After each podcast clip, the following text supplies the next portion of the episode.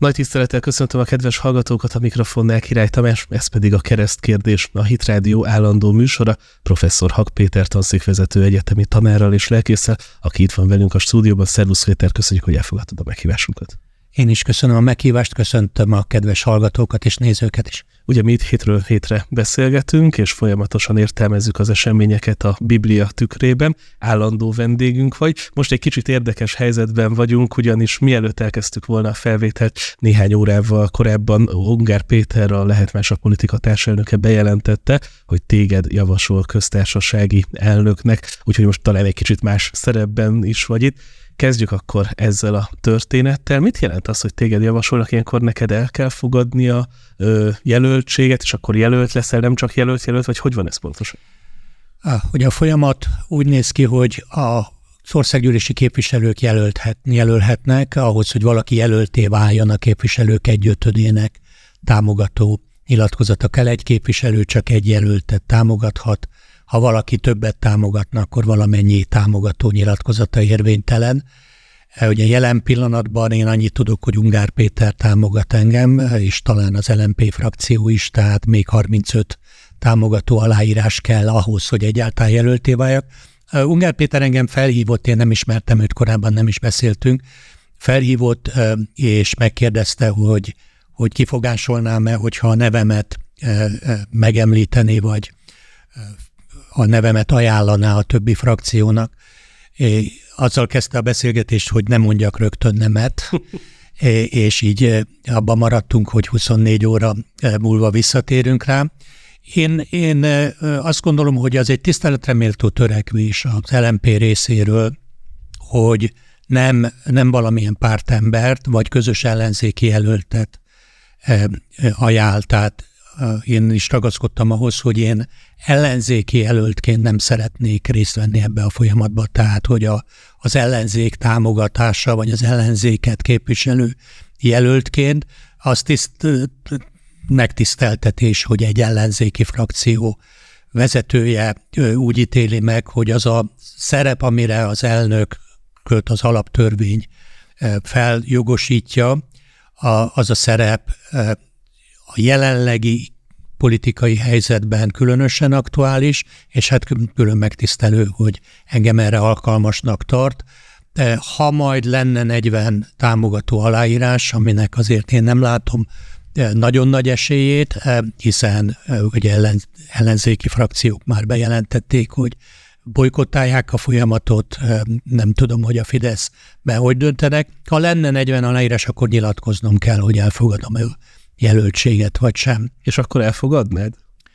A, olyan egy régi mondás, hogy a hidon ráérünk, akkor el, átmenni, ha elértük a folyót. Nyilván, tehát azt gondolom, hogy ha elfogadtam ezt a fázist, akkor valószínűleg el, illik elfogadni azt is. Bocsánat. Én azt mondom, hogy ambicionálni biztos, hogy nem ambicionálom. Elnézést. Láttam egy hírt most, hogy hogy aspiránsok ellenzék, vagy új köztársasági elnök aspiránsok vannak.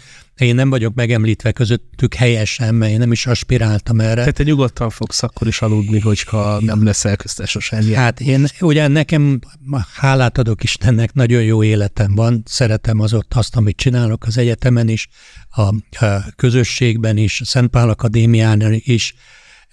Nem, nem, nem terveztem közéletbe való aktívabb részvételt. Örültem ennek a lehetőségnek, amit a Hitrádió teremtett, hogy időnként elmondhatom a véleményemet, ez van, akit érdekel, e, az ide kattint, de, de azért azt gondolom, hogy az egész elnök jelölési folyamatnál szerintem a személyeknél fontosabb az, hogy, hogy mit gondol a politikai elit, vagy a politika formálók mit gondolnak az elnök szerepéről, tehát hogy milyen elnökről van szó. Nem sokára akkor beszélünk arról is, hogy milyen köztársasági elnöki rendszerek vannak, de talán előtte mégiscsak foglalkozzunk Novák Katalinnak a döntésével, és talán kezdjük ott, hogy még mindig nagyon sok ködös dolog van, és nehezen megfogalmazható dolog van, hogy mi történt. Mit tudunk K. Mit tudunk Novák Katalin, Varga Judit és Balogh Zoltán és a kormány felelősségéről ebben az ügyben? Talán ezeket szedjük összét pontról pontra. Egy gondolat, hogy ugye itt Novák Katalinék is kommunikáltak valami nagyon szűkszavút, K. Endrének is forog egy levele, amiről most már tudjuk, hogy ő írt, ez is sok kérdést vet fel, szóval akkor talán erről beszéljünk részletesen. Ugye a, a, én onnan kezdeném, hogy, hogy, a, hogy mi a kegyelem egyáltalán. Az alak, most nem a teológiai értelemben, bár nagyon átfed, tehát én prédikációkban szoktam erre utalni, hogy a, hogy a kegyelem az nem felmentés. Amikor hívőként valaki a Biblia alapján azzal szembesül, hogy, hogy kegyelemből tartatok meg hitáltan, ahogy ez megvan írva a Bibliába, Pálapostól ron keresztül megjelenik ez a mondat. Ez nem azt jelenti, hogy aki kegyelmet az, az, az rájön arra, hogy ártatlanok voltunk. Az ártatlanokat nem kegyelemben részesítik, hanem felmentik. Akiről bebizonyosodik, hogy nem követett el valamit, azt fel kell menteni, és ezt a, ez a feladat az állami szinten az igazságszolgáltatásnak a feladata. Ugye ebben az igazságszolgáltatási folyamatban a hatályos magyar törvények alapján szerepe van a rendőrségnek, amely a kormány alá rendelt szervezet, szerepe van az ügyészségnek, amely független szervezet, alkotmányjogi értelemben független szervezet, tehát az alkotmány, az alaptörvény azt rögzíti, hogy a legfőbb ügyészt a köztársasági elnök javaslatára az országgyűlés választja meg 12 évi időtartamra, és ugye ő nem elmozdítható, tehát ő nem függ a kormánytól. Ha változik a kormány összetétele, akkor is a legfőbb ügyész ott marad a hivatalban. És a harmadik szereplő a bíróság, amelyik első, másod és kivételesen harmadfokon is eljárhat egy ügyben. Ezt csak azért szeretném rögzíteni, mert ezeknek a szervezeteknek, tehát a rendőrségnek, az ügyészségnek és a bíróságnak az a feladata, hogy döntsön, döntsön a bűnösség, nem bűnösség kérdéséről, és döntsön arról, hogy a felelősség milyen mértékű, ugye ez a büntetésben jelenik meg. Az elnöki kegyelem és a parlament által gyakorolható közkegyelem is az viszont arról szól, hogy annak ellenére, hogy a törvények értelmében lefolytatott, szabályszerű, tisztességes eljárásban kimondták valakinek a bűnösségét, annak ellenére van, előállhatnak olyan körülmények, amire a bíró nem tud reagálni, mert a törvény megköti a kezét. A Zamecsnik Péter ügyvéd úr a ATV egyik műsorában említett egy esetet, ő ő ugye azt e, említette, hogy ott egy, egy elítéltnek három nagyon erősen fogyatékos gyermeke volt. Én ismerek egy ügyet, ahol egy nagyon súlyosan fogyatékos gyermekről gondoskodott egy hölgy, aki könyvelőként dolgozott egy cégnél, amelyik különböző gazdasági visszaéléseket követett el, és hát az ítélet szerint ő volt az, aki felhívta a partnereket, hogy milyen összegben, milyen módon állítsanak ki számlát. Ezzel már rögtön a bűnszervezet részesévé vált. Ő volt a család egyedüli eltartója, a férje volt, aki, aki 24 órába vigyázott a gyermekre.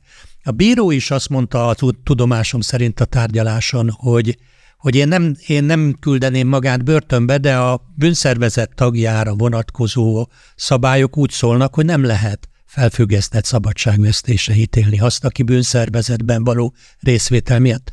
E, nem lehet feltételes szabadlábra bocsátani, a büntetési tétel keret a felével megemelkedik, tehát a bírót nem szabhatott ki más büntetést, mint mint a, a végrehajtandó szabadság lesz. Épp akkor magától a bíróságtól érkezik, tehát akár a bírótól érkezik a kegyel? A, ezt most így hirtelenjében nem tudom megmondani.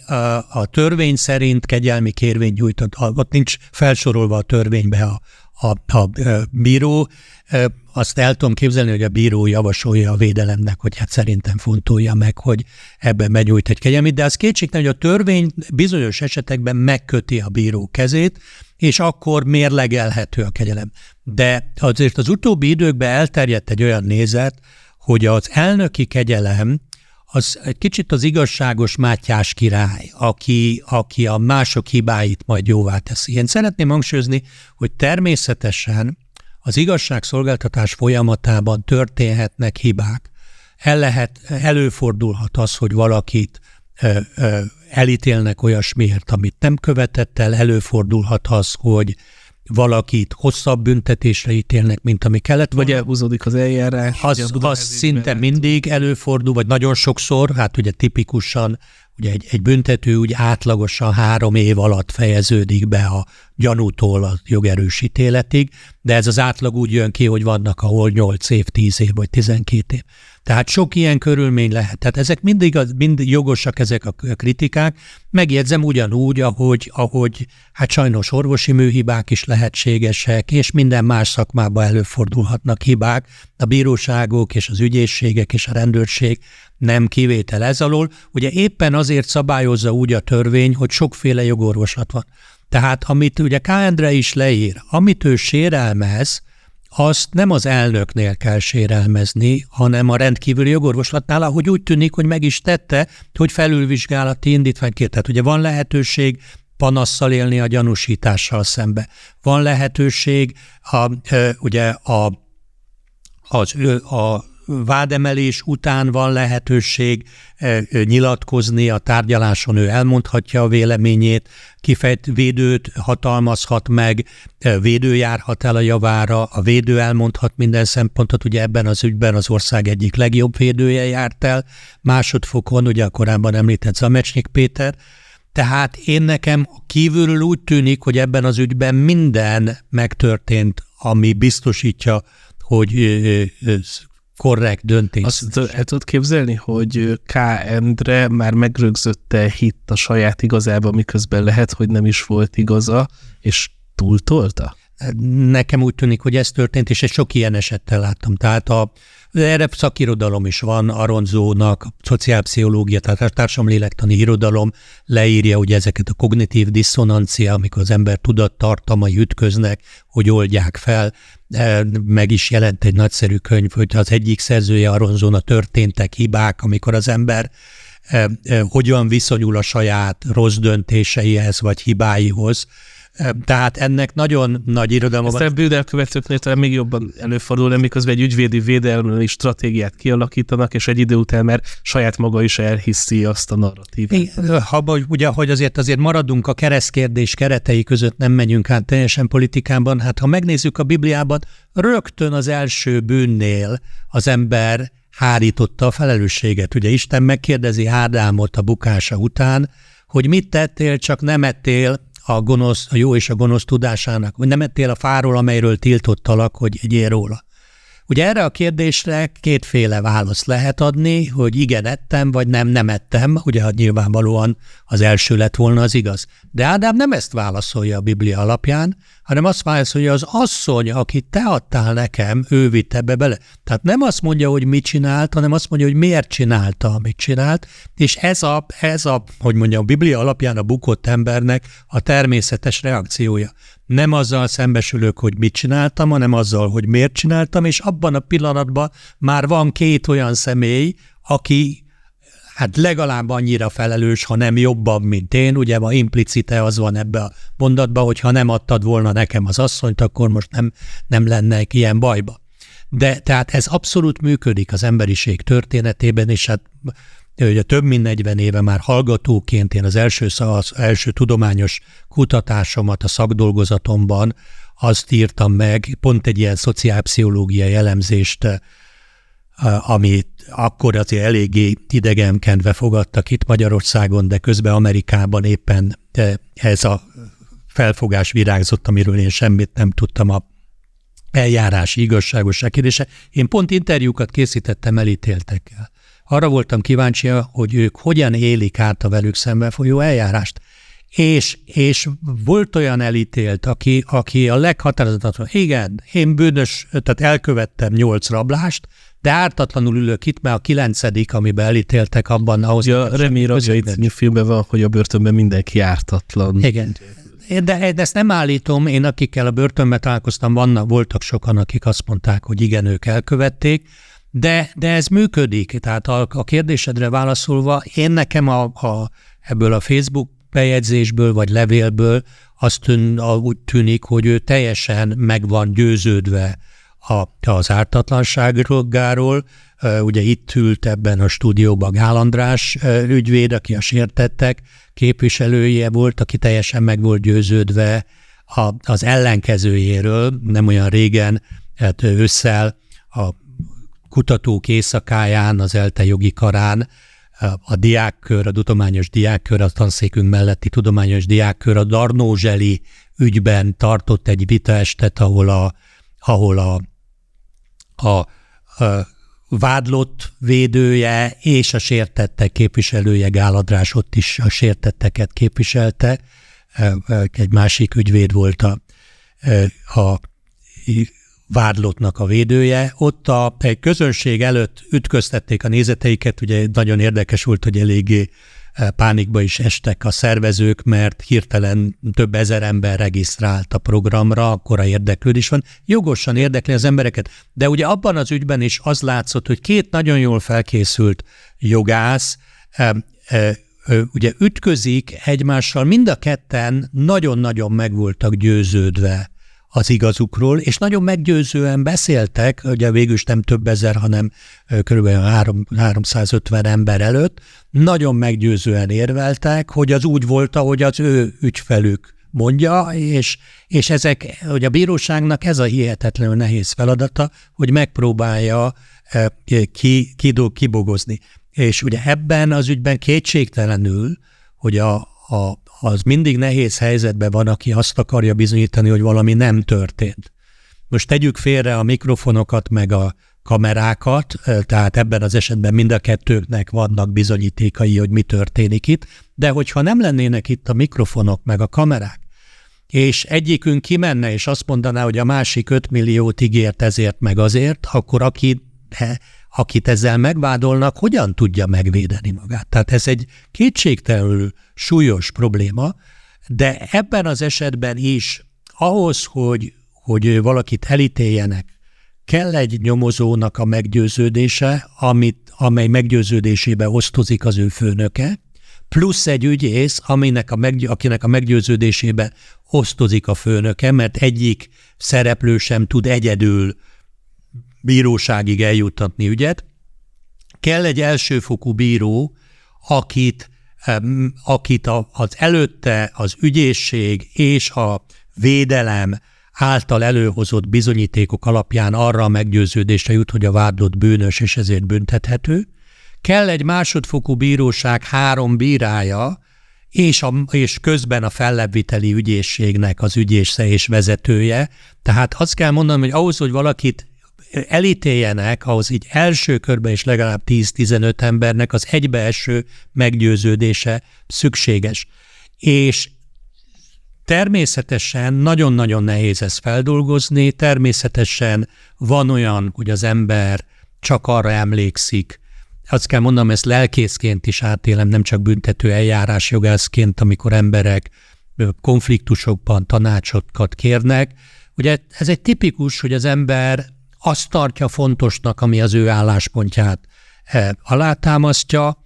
Eh, a Biblia nem véletlenül mondja a példabeszédek könyvében, hogy igaza van annak, aki első a perben, amíg meg nem jelenik az ő peres fele. A római jogban a hallgattassék meg a másik fél elve, az audiature tartare pars eh, évezredes elv, hogy igenis, hát minden eseménynek több szempontja van. Ugye ebben a konfliktusban van egy igazsága K. Endrének, és van egy igazsága azoknak a gyerekeknek és azoknak a tanuknak, akik a bíróság előtt Gál András elmondása szerint nagyon más. És a bíróság a gyerekeknek adott. A bíróság a gyerekek álláspontját fogadta el. A második ügyben, ugye az első, a 2011-es ügy, amiről csak itt ebben a műsorban, ha már nem ebben a keresztkérdésben, a Gál Andrással készített interjúban hallottam én is, előtte az nem került elő, Ugye ott valószínűleg a hatóságok nem fogadták el. Igen, abban ugye K.N.-re nem volt gyanúsítás, hanem ő volt a gyermekek gyámja, tehát ő vitte őket. A kihallgatás igen. az is már az igazgató ellen. De hogy az az intézményi kultúra igen, létezett, igen, hogy igen. a gyerekekkel visszaélnek, arra már akkor volt gyanú, igen. és az az, az az ügy is mutatja azt, hogy nem automatikusan, nem elsőre, utóbb kiderült, hogy hibásan döntöttek, igen. akik megszüntették azt az eljárást, de nem tudjuk, hogy miért, őket is meg kellene hallgatni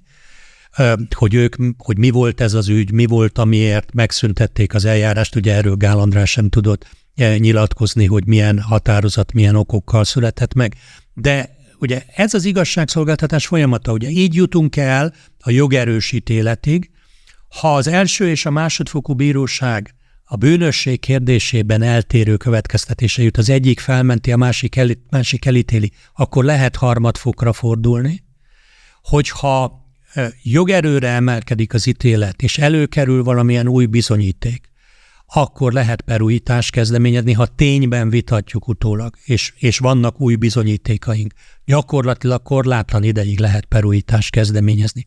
Felülvizsgálati indítványt egy, is lehet előterjeszteni. Itt ugye az úriember házi őrizetben volt, aztán kegyelmet kapott, elvileg minden zajlódhatott volna. Tehát nem lett volna jobb nyugodtan maradnia, és örülni annak, hogy, hogy ez így, így tehát hogy én azt gondolom, igen, erre nehéz válaszolni, mert szerintem ez nem egy jogászi szakmai kérdés. Nyilván én, nem, én ügyvédi praxis nem folytattam soha, de ha az ügyvédet megkérdezi... Ez már egy másik ügyvéd, azt tudjuk, hogy nem Zamek Péter adta be. Tehát, igen, tehát nagy kérdés, hogy megérte lehet, hogy tehát szerintem, szerintem nem érte meg. Tehát az egész ügy nem érte meg. Ugye az ügyről sokan tudtak, és nagy, az ő szempontjából relatíve sokan tudtak ugye ott a településen vagy az intézmény körül, de ma, ma, ma már sokkal többen tudnak, és ő történelembe bekerült, mert az ő ügye miatt Elmondotta. volt kénytelen a magyar történelem első női köztársasági elnöke lemondani. És azt is gondolom, hogy ez majd folyamatosan kiderül a történészek, kidolg, nyilván fel fogják kutatni az alapiratokat, a tárgyalási jegyzőket. Akkor lehet, hogy ezt egyszer az iskolában tanítani fogja ezt történelem. Hát azt nem tudom, hogy mennyire lesz ez fontos, de ez kétségtelen, hogy a történelem, tehát az ő ügye sütötte el azt a pisztolyt, vagy az ő ügye volt az, ami hát tulajdonképpen a lemondásra kényszerítette a Fidesz két legsikeresebb női politikusát. Akkor most itt a köztársasági elnök jelölt jelölt énedet venném elő, hogy te aláírtad volna? Nem.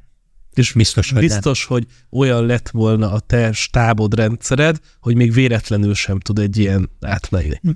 A, ugye én azért dolgoztam a politikába 12 évig, és, és, és a, hát azóta is ugye szervezetekbe. Én azt gondolom, hogy, hogy a szervezeten belül is van egy bizalmi elv.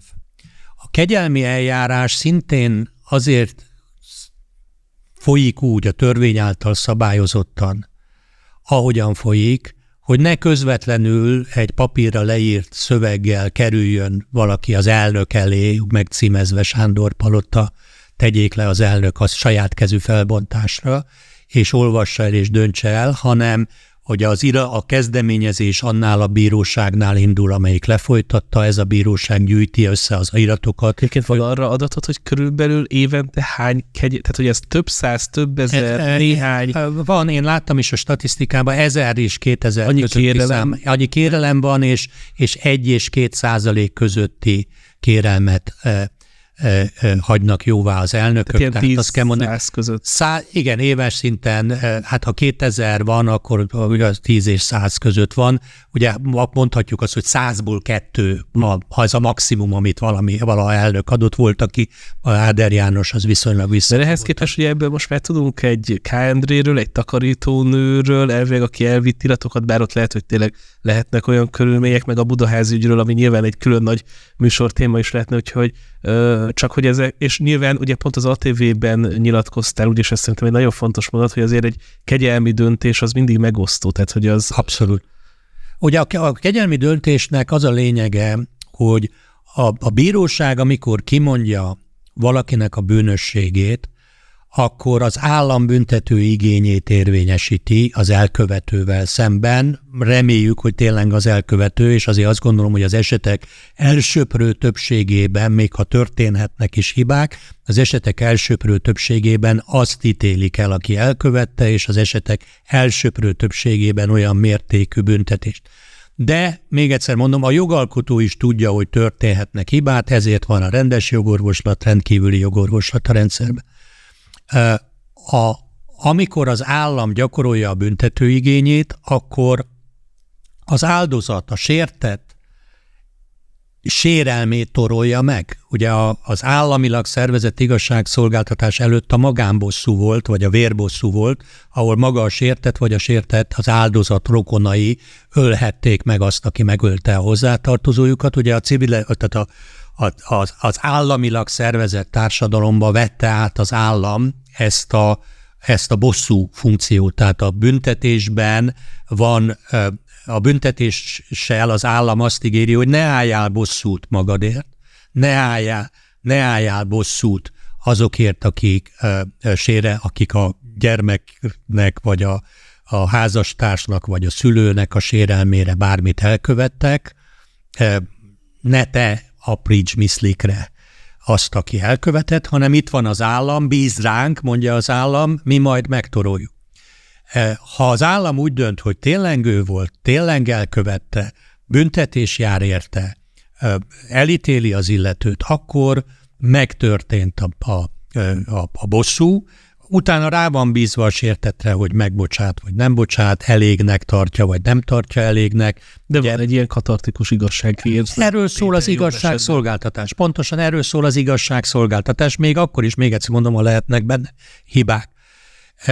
A, ugye amikor eh, kegyelmi eljárásra kerül sor, akkor a, a, először az a bíróság, amelyik az ügyben eljárt, és aminél ott van minden akta. Ez az akta, ez nem két vallomás, hanem adott esetben több ezer oldalnyi, vagy több tízezer oldalnyi irat. Ugye az a bíróság összegyűjti az adatokat, és hátadja az igazságügyminisztériumnak. Az igazságügyminisztériumban van egy apparátus, amelyik évtizedek óta ezzel foglalkozik, tehát ezek nem olyanok, hogy az utcán megszólítjuk, hogy mi a véleménye róla, hanem már nagyon-nagyon sok ezer kegyelmi kérvényt láttak, már első ránézésre tudja, hogy mit kell keresni, mik azok a szempontok, amik alapján nagyon erősen megfontolandó, és mi az, amikor hát biztos, hogy nincs, nincs rá lehetőség. Mindenki, aki kegyelmet kér, valamilyen szempontot mond, tehát mindenki vagy úgy érzi, hogy, hogy ártatlan, vagy úgy érzi, hogy, hogy túlsúlyos a büntetés, vagy vannak olyan körülményei, az ő betegsége, hozzátartozó betegsége. Tehát ezek, ezek a kegyelmi kérvények, ha valaki csak ezt látja, akkor megindul a szíve rajta, és úgy érzi, hogy hát tényleg azért jobb lenne még több embernek kegyelmet adni. De minden kegyelmi kérvény mögött ott van az, akinek a sérelmére elkövette a bűncselekményt, és az, az meg hát azt szeretné, hogy a bűn, bűnös bűnhődjön. Hogyha az elnök felülírja a bíróság döntését a kegyelmével, és megakadályozza azt, hogy a bűnös olyan mértékig bűnhődjön, ahogy azt a bíróság jónak látja, akkor tulajdonképpen az elnök a, a, a sértetteknek tartozik, az áldozatoknak tartozik magyarázattal, hogy az elkövető szempontjai miért voltak fontosabbak, mint az áldozatok szempontjai. És tulajdonképpen ez az ügy azért vetett ekkora hullámokat, mert, mert, mert az áldozatok megszólaltak és teljes joggal szólaltak meg, hogy ők ezt méltánytalannak tartják, mert ők úgy érzik, hogy ez az ember az ő sérelmükre súlyos dolgokat követett el illetve nyilván volt ennek egy politikai vetülete is, hogy miközben a magyar kormány arról beszél, hogy a gyermekeknél zéró tolerancia van, gyermekfédelem, stb. Közben mégiscsak egy pedofil ügyben érintett valaki ö, kapott kegyelmet. Hogy látod azt, hogy lemondott Novák Katalin és Varga Judit is az kellő igazságtétel és szükségesszerű volt az ő lemondásuk? Azért kérdezem, mert mielőtt lemondtak volna, nagyon nagy népharag zúdult rájuk, az látszott, amikor lemondtak, akkor azért én rengeteg olyan kommentet olvastam, amiben sajnálták őket. Én személy szerint is sajnálom őket, tehát én azt gondolom, hogy tényleg történelmi szempontból jelentősége volt, hogy, hogy női köztársasági elnök lett Magyarországnak. Azt gondolom, hogy sok mindenben nagyon korrektül járta, nagyon jól látta el a feladatát, népszerű is volt előtte, amit csinálta, ahogy csinálta, azt sokan szimpátiával figyelték. Ugye Varga Judit esetében is, ugye ő a miniszterségről már korábban lemondott, de Ugye nekem itt ebben a stúdióban azt mondta, hogy ő kérte Orbán Viktort, hogy hadd mehessen Brüsszelbe, mert az a terep neki szimpatikusabb lett volna. Igen, de hát az nyilvánvalóan ő úgy érzi, hogy, hogy valamit jobban tudna csinálni, mint ezt. De ezzel együtt ugye szintén azt kell mondanom, hogy nem sok hozzájuk hasonlóan sikeres női politikus van a Fidesz térfelén sem, és nem akarok senkit megbántani a, a, általában a politikában sem. Tehát ilyen értelemben azt lehet mondani, hogy, hogy hát bizonyos értelemben sajnálható, hogy ez bekövetkezett, de mivel bekövetkezett, mivel bekövetkezett az esemény, nem volt más kiút. Tehát tulajdonképpen a, a felelősségvállalás ez ezt jelenti, hogyha az ember hibázik, nyilván ugye én őszintén sajnálom azért Novák Katalint, hogy az amerikai sajtóban már úgy jelenik meg, hogy szexbotrányba keveredett, tehát amit tulajdonképpen még helyreigazítással sem lehetne javítani, mert hát végső, végső soron van, igen, tehát volt valami ilyen elem az egészben, tehát ez egy nagyon, nagyon, nagyon nehéz és nagyon fájdalmas helyzet. Nyilván egyikük sem így képzelte a, a, a tavaszt, egyikük sem így képzelte a jövőjét, tehát én őszintén sajnálom őket, de de az ember őszintén sajnál másokat is, akik a munkájukban egyszer hibáznak, és utána a következményeiket kell viselni.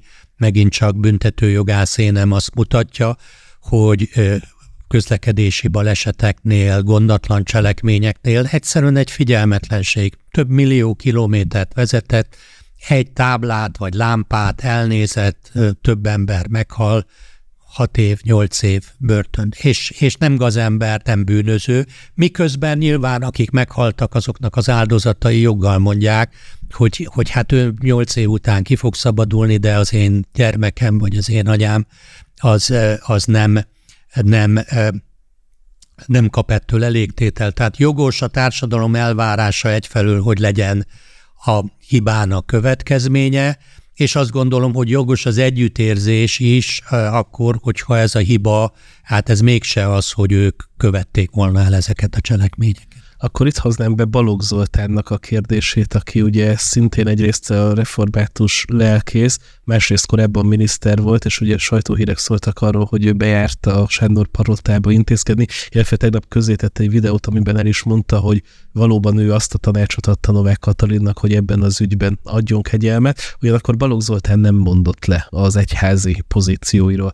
És mivel köztársasági elnök jelölt jelölt vagy, és ugye azért az újságcikkekben is nagyjából ez van, hogy a hídgyülekezetel elkészét jelöli az LMP köztársasági elnöknek, ami már önmagában egy érdekes helyzet, hogy itt az állam és az egyház szétválasztásáról, illetve ezekről a mozgásokról kérdeznélek téged, hogy, hogy te hogy látod ezt egészségesen. Tehát a netán köztársasági elnök lennél, akkor mondjuk német Sándor gondolom nem menne be a Sándor palotába megbeszélni veled, hogy kinek hagy kegyelme. Hát, ugye magán, vagy a Balogh Zoltán ügyéről biztos, hogy nem fogok semmit mondani, már ha csak a hídgyülekezettel elkésze lennék, akkor se lenne ildomos.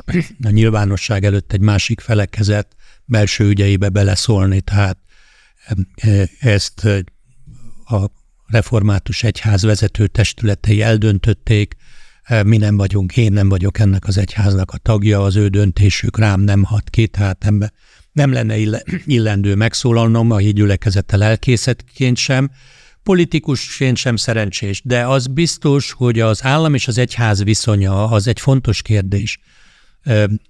Nemrégiben egy kedves barátommal, Mészáros István Lászlóval találkoztam, és ő neki megvolt az a programfüzet, amit annak idején 89-ben egyházügyi törvényjavaslatot én írtam, tehát én igazából el is felejtettem, hogy én írtam ezt, Igen. de a programfüzet az én aláírásommal egy törvényjavaslatot, egy törvényszöveget tartalmaz, amely törvényszövegről azt látom, hogy mai napig is vállalható.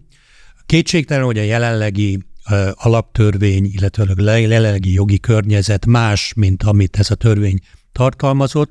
Ugye ez az egyház és az állam közötti erőteljesebb együttműködést eredményezi. De ezzel együtt szerintem helyes az, hogyha egy hívő ember a közfeladatában nem az egyházi funkcióját látja el. Tehát a hitét képviseli úgy, hogy nem lop meg, becsületes meg minden, de nem az egyházának. Az... No, én csak szeretném, hogy ugye én 12 évig voltam aktív politikus. Soha a politikai pozíciómat nem használtam az evangélium terjesztésére.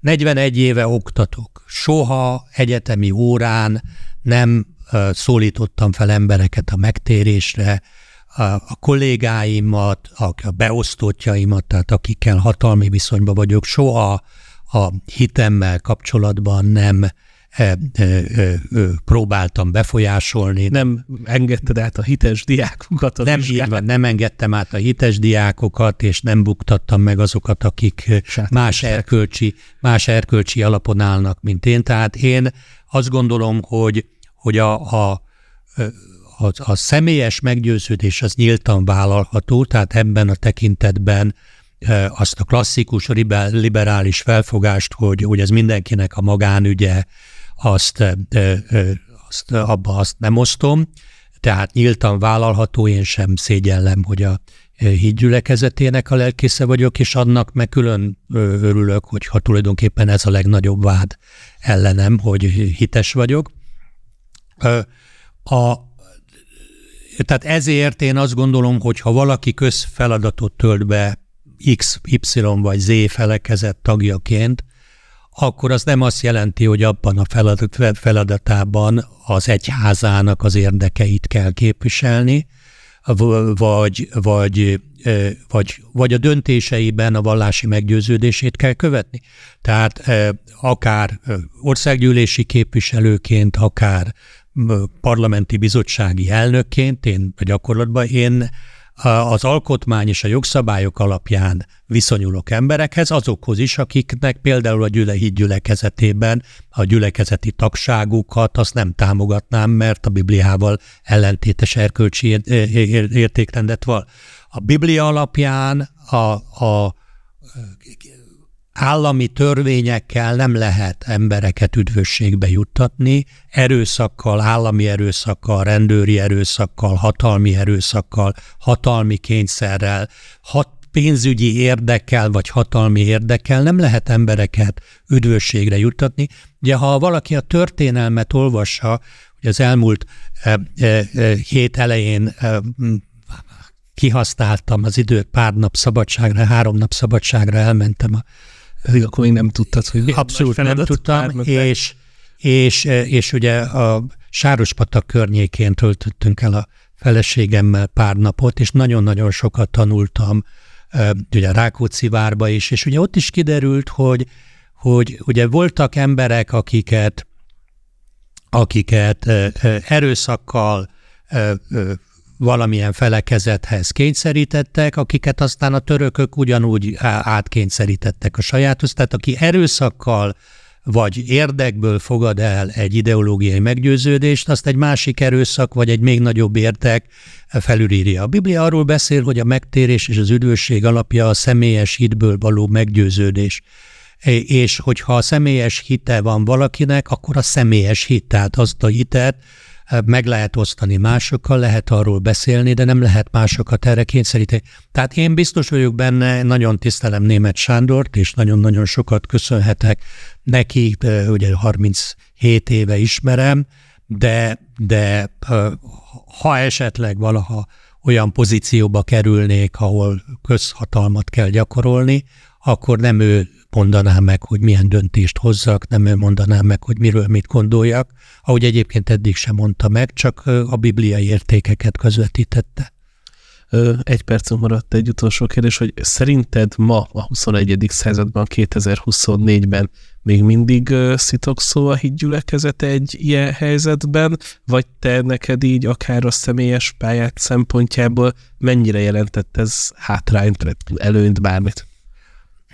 Hát, szerintem ez az ügy is tesztje lesz ennek. Tehát én megmondom őszintén, ez volt számomra az egyik szempont, amiért azt gondoltam, hogy, hogy, hogy nem zárkózok el ettől a nyilvános megszólalástól, vagy nyilvános szerepléstől, ami lehet, hogy csak, csak párnapos hírnév.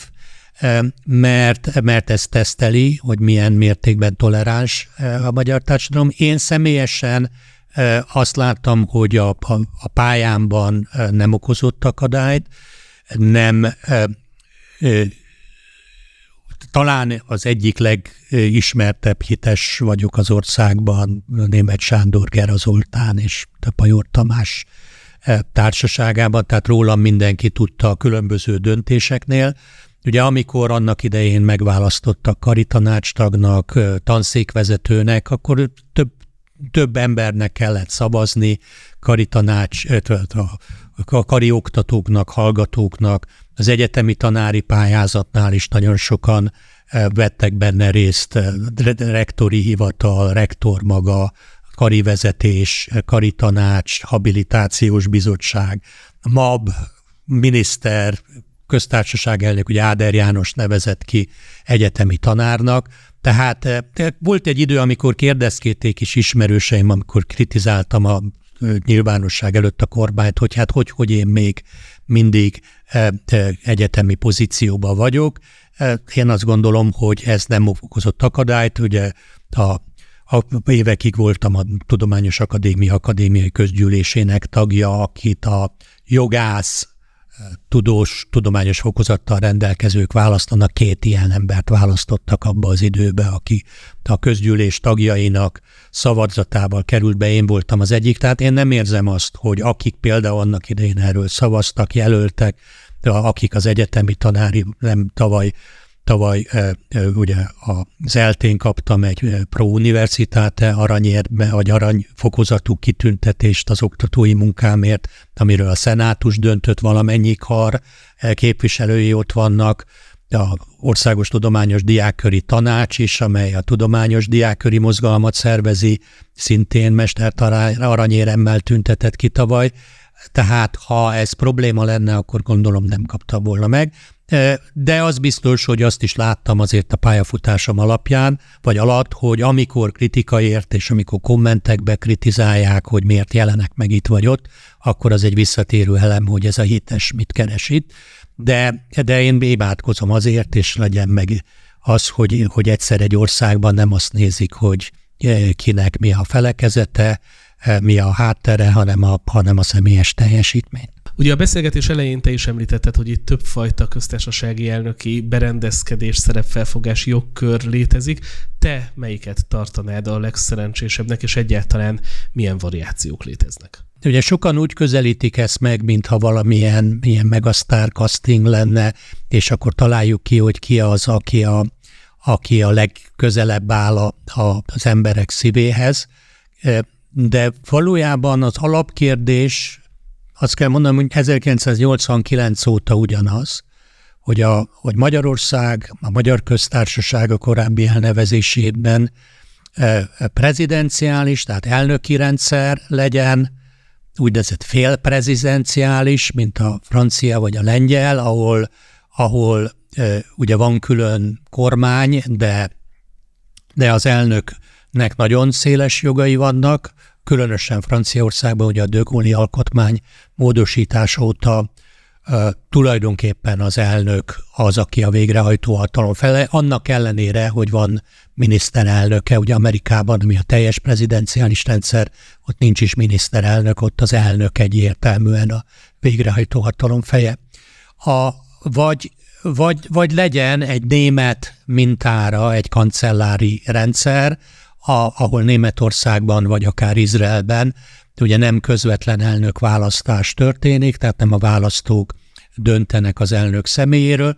Azért nem, mert az államfő ezekben a rendszerekben e, tulajdonképpen a köztársasági királyi pozíciót tölti be, tehát e, azt a pozíciót, amit Angliában, vagy Hollandiában, vagy más európai királyságokban az uralkodó, aki az államfő, és a jogai is ehhez igazodnak, tehát nagyon-nagyon minimálisak a jogai. Az elnök érdemben nagyon sokat nem tud tenni, költségvetéssel nem tud dönteni, törvényeket előterjesztett, de el, előterjeszthet törvényjavaslatokat de elfogadtatni nem tudja. Elnöki rendeleteket nem hozhat, tehát rendelettel nem dönthet el dolgokat, ahogy Amerikában vagy az elnöki rendszerekben ezt megteheti. Tehát a, a vita erről folyik, hogy milyen elnökire van szükség az országnak.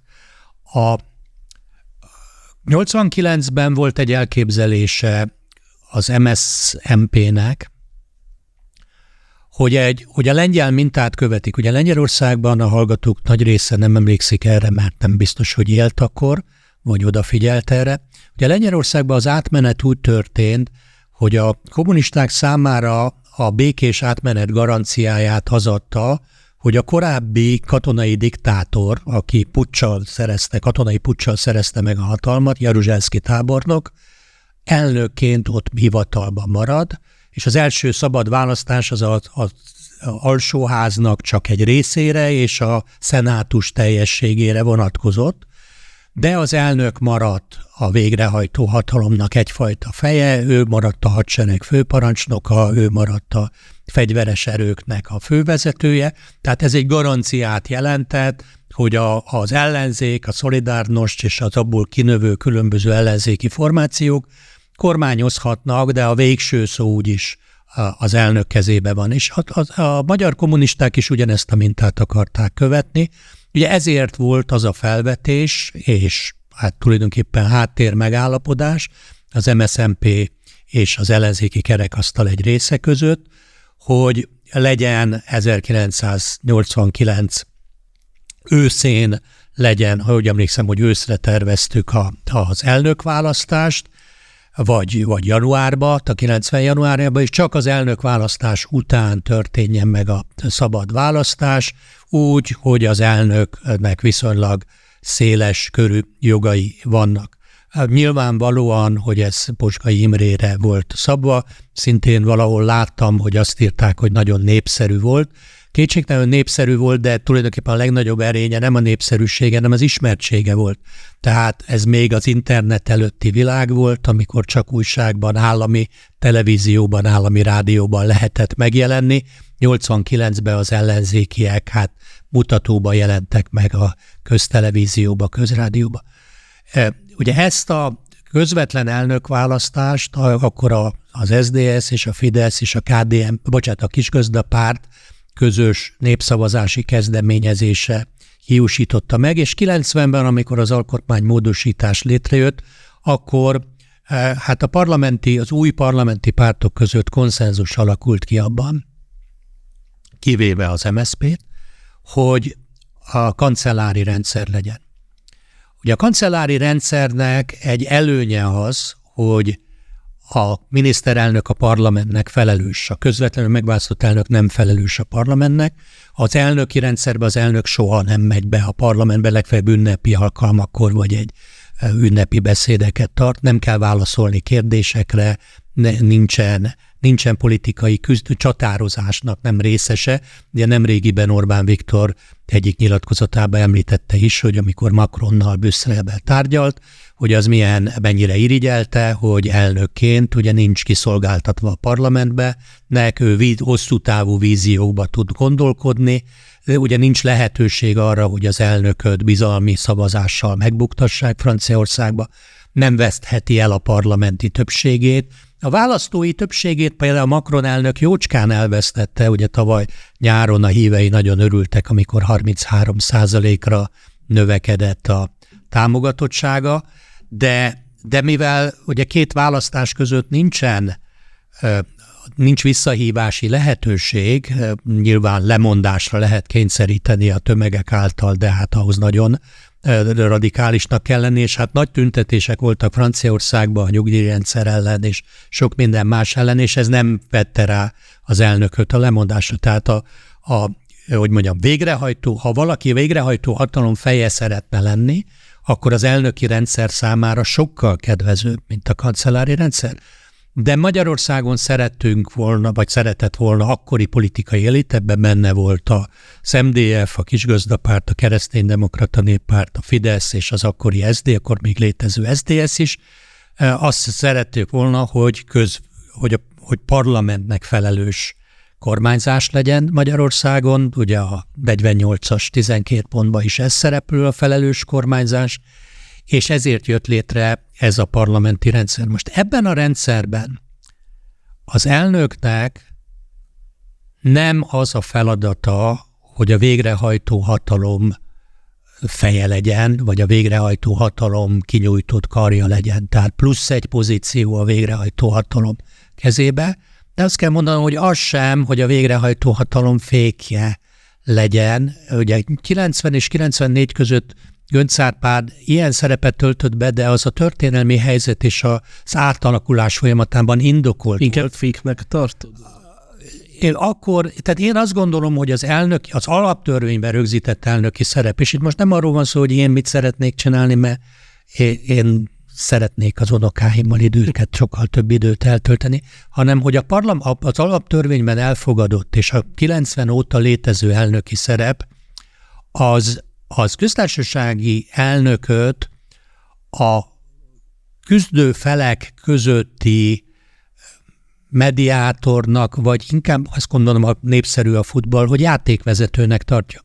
Ugye aki szereti a futballt, vagy bármilyen csapatsportot, az nem örül annak, ha a játékvezető a főszereplő.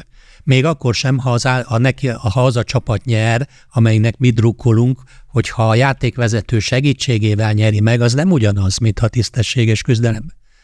Ugye a játékvezetőnek nem kell gólpasszokat adni a csatárnak, nem kell a kapuba tartó labdát megállítani védőként, hanem az a dolga, hogy az egymással küzdő feleket a játékszabályok betartására vegye rá. És természetesen a politika, ezt szintén Orbán Viktor szokta mondani, hogy a politika mennyire hasonlít a futballra, vagy futball a politikára. A politikában igenis van éles küzdelem. Annak idején emlékszem rá, hogy voltak olyan kritikák, hogy a képviselők nem dolgoznak, csak vitatkoznak. De hát ez a munkájuk, hogy vitatkozzanak. Hogy, hogy különböző oldalról közelítsenek meg dolgokat. Vannak, akik elhiszik, hogy lehet olyan döntéseket szület, hozni, ami mindenkinek jó. A valóság ezzel szemben az, hogy a döntéseket bizonyos érdekek vagy értékek alapján hozzák meg. Ha a baloldal van parlamenti többségben, mert a választók őket szeretnék látni, akkor az ő értékrendjük jelenik meg az oktatáspolitikában, az egészség vagy szociálpolitikában, és mindenben. Ha a jobb oldal van, mert ő kapott felhatalmazást, akkor az ő értékrendje jelenik meg. Viszont az, hogy a köztársasági elnök ne bíró, vagy olyan bíró legyen, aki nem ad gólpasszokat, ahhoz nem lenne szerencsésebb, ha mégiscsak közvetlenül választanák meg? Mert ugye jelenleg, ha már a focis hasonlatnál vagyunk, egy kicsit az a hangulat van, mintha a köztársasági elnök is az egyik csapat öltözőjéből jönne ki a pályára. Ez így van. Nézzük meg azokat az országokat, ahol közvetlen köztársasági elnök választás van. Gyakorlatilag a közvetlen elnökválasztás egyfelől csak akkor értelmes, ha van érdemi hatalma. Tehát azon a kampányba vitatkozni az elnök jelölteknek, hogy melyikük tud elegánsabban kitüntetést átadni, annak nincs értelme. Tehát szerinted most van valódi hatalma a köztársaságjának, vagy lehetne, ha például a nép közvetlenül választaná meg? A mostani alaptörvény értelmében nem, vagy, vagy alig, viszont az biztos, hogy ha a nép által választott elnök és a, a parlamenti többség eltér egymástól, akkor az az eddigieknél nagyobb és mélyebb válságokat tudna létrehozni. Lásd azokba az országokba, ahol van közvetlen elnökválasztás, de van miniszterelnök Szlovákia. Ugye most jelen pillanatban az elnök még az előző parlamenti többség, a, köz, a, a miniszterelnök az új parlamenti többség képviselője, és hát ütkeznek is egymással, és próbálják megtalálni a kiegyezést.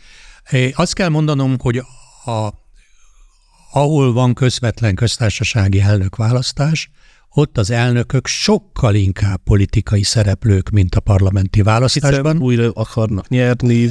Nem csak, már az első győzelmükhöz nélkülözhetetlen a politikai pártok támogatása. Ugye a politikát politika sok csinálják. Amikor politikai választás van, ha az elnök jelöltek között szépségversenyt tartanak, akkor nem kell pénz, meg kampány, kampánystáb, nem kell párt támogatása. Ugye ahhoz, hogy a jelölt, hogy valaki közvetlen választáson köztársasági elnök jelölt legyen, ahhoz nagyon-nagyon sok pénzre van szükség, mert egy kampány százmilliókat vesz igénybe.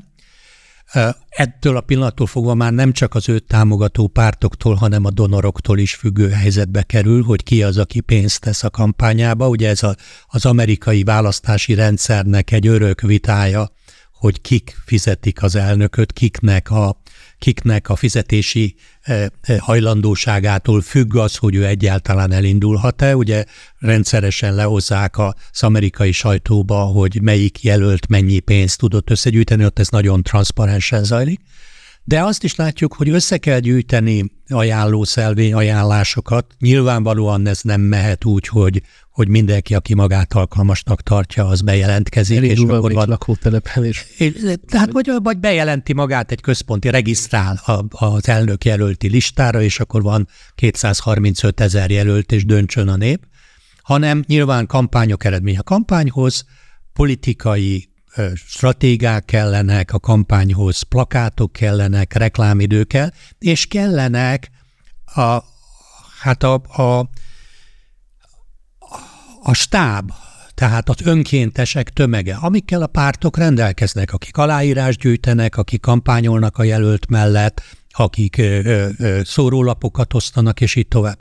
Azt látjuk, hogy minden elnökválasztásnál ott vannak pártok a jelöltek mögött. Ugye Csehországban van egy olyan elnök, aki nem volt politikus, ugye katonatiszt volt előtte, de őt is az egyik kormánypárt támogatta, tehát mert gyakorlatilag lehetetlen anélkül az apparátus nélkül eh, elindulni. A civil szervezetek azok politikai, abban a pillanatban, ha politikai kampányba vesznek részt, már megszűnnek civil szervezetek lenni. Tehát arra építeni, hogy a civil szervezetek hálózatával, majd önkéntesek sokaságával kampányt vagy részt vesz. Az maximum ilyen véletlen baleseteknél fordult elő, mint Sólyom Lászlónak a köztársaság. De az nem közvetlen. A védegy, igen, az nem közvetlen, az nem közvetlen választás, választás van. De még, még ezekben az esetekben is azt látszik, hogy általában a pártok jelöltjei ö, nyertek. Ide, a, a, a, hát a parlamenti választásban szükségszerűen, de mert hogy csak, csak országgyűlési képviselők jelölhetnek, de a közvetlen választásnál is. És ugye a következő év, ugye azt, a, azt állítják sokan, hogy közvetlen választásnál inkább a nép tehát képviseli az elnök. Én azt javaslom, nézze meg mindenki a közvetlenül megválasztott elnökök népszerűségi listáját. Ugye Magyarországon ugye eddig hat köztársasági elnök volt a rendszerváltás óta, mindegyikük rendszeresen vezette a politikusok népszerűségi listáját, Elsősorban azért, mert az elnök tulajdonképpen, ha normálisan működik minden, akkor az elnöknek nincs igazából dolga a kormányzással kapcsolatban, ezért az elnök nem, nem emel adókat, nem szüntet be gazdasági vállalkozásokat, nem kényszerít arra cégeket, hogy bezárjanak. Az elnök nem csinál olyat, amitől az árfolyam felrobbanna, tehát az elnök alapvetően, hogy mondjam, nem árt soha egyetlen polgárnak se. Más a helyzet az Egyesült Államokban. Ugye most látjuk, hogy az USA-ban Biden elnöknek az, a, az a népszerűsége, pontosabban az alkalmassági mutatója az azt mutatja, hogy az amerikai polgárok 60%-a teljesen alkalmatlannak tartja az elnöki pozícióra, a republikánus szavazóknak, ha jól emlékszem, több mint 85%-a alkalmatlannak tartja. Pedig a nép választotta. Macron elnököt említettük, ugye tavaly nagy öröm volt, amikor elérte a 33% ot az elfogadottság az elnök. Magyarán majdnem 70 a de mindenképpen kétharmada a lakosságnak nem támogatja az elnököt, pedig közvetlenül választotta. Megjegyzem egyébként ugye a közvetlen választásoknál a politikai pártok is elvesztik a népszerűségüket, tehát az a párt, amelyik egyik évben megnyeri 50% kal vagy 25% kal attól függ, hogy hol indul a választás, lehet, hogy a következő ciklusban kiesik a parlamentből, négy év alatt elveszti a támogatóit. Tehát az elnök, a közvetlen választás az az elnök személyéről egy pillanatban leadott népszerűségi szavazat, de semmivel nem garantálja jobban, hogy az elnök népszerű legyen. Közvetlenül választott elnökök is lehetnek nagyon népszerűtlenek, és közvet parlamenti választás útján elnyert tisztséget betöltő elnökök is lehetnek népszerűek, sőt, hát tipikusan azok voltak. Ugye nemrégiben ment, vagy talán még ugye most is látható a Netflixen a korona sorozat, ami azért jól mutatja, hogy a királynőnek a hosszú-hosszú uralkodása alatt voltak hullámhegyek és hullámvölgyek, voltak időszakok, amikor nagyon erős volt az a kampány, hogy, hogy közvetlenül, tehát hogy szűnjön meg a királyság Angliába. A halál akkor úgy tűnt, hogy ez a kampány éppen ellenkezőre fordul, a többség úgy gondolja, hogy kell. Tehát a, a közvetlen választás bizonyosan állítható az összes történelmi tapasztalat alapján, hogy nem eredményezi azt, hogy ez hogy népszerűbb az elnök, mint a parlament által választott, vagy, az, vagy a monarchák, tehát a király, királyok. A másik, hogy nem eredményezi azt, hogy független elnököt. Jóformán én nem is tudok a cseh elnökön kívül független elnököt, ugye az osztrák eh, elnök, aki szintén egy kancellári rendszerben közvetlenül választott elnök. Egyfelől nem tudom, hogy a nézők közül hányan tudják internet használat nélkül, hogy ki ő. Eh, másfelől ugye ő egy zöld párti politikus volt, egész életét aktív politizálással töltötte. Ugye az erénye tulajdonképpen csak annyi volt a többiekhez, képest, hogy egy kiegyensúlyozott személy, aki nagyon idős, és a jövő idősben, hát azt kell mondani, hogy nincs jövője, eh, nincs politikai jövője, nem jelent senki számára eh, ki, kihívást. Eh, látszik, hogy most is talán lehet, hogy ilyen szempontok is megjelennek a, a döntésnél. Én egyébként tényleg azt gondolom, hogy helyes, hogyha az elnöknek nincsenek a mandátuma utáni politikai ambíciói, tehát hogy az elnökséget nem ugródeszkának használja egy elnök arra, hogy utána aktívan pártot alapítva, vagy valamelyik párthoz csatlakozva e, a pártpolitikába is részt vegyen. Az elnök a nemzetegységét nem abban testesíti meg, hogy ő egy olyan személy, amit, akit mindenki elfogad, nem is az elnök személye az, akinek az egységet meg kell testesíteni, hanem a pozíciója, ő, ő az, amely, akinek elvileg minden pártól nagyjából egyforma távolságra lennie. Hát nagyon szépen köszönjük, hogy itt voltál velünk, és ígérjük, hogy ha köztársasági elnök leszel, akkor nem lobbizunk majd azért, hogy hetente legyen keresztkérdés. Ha Péterrel beszélgettünk, köszönjük szépen. Én is köszönöm a beszélgetést. A kedves hallgatóinak is köszönjük a figyelmet. Mindenkit arra kérünk, hogy ha még nem tették, iratkozzanak fel a Hit Radio és Hak Péter csatornájára is. Ha valami nagyobb csoda történik, akkor az a csatorna lehet, hogy még egyszer köztársasági elnöki csatorna lesz. Mindenkinek szép napot kívánok, viszontlátásra, viszont halásra.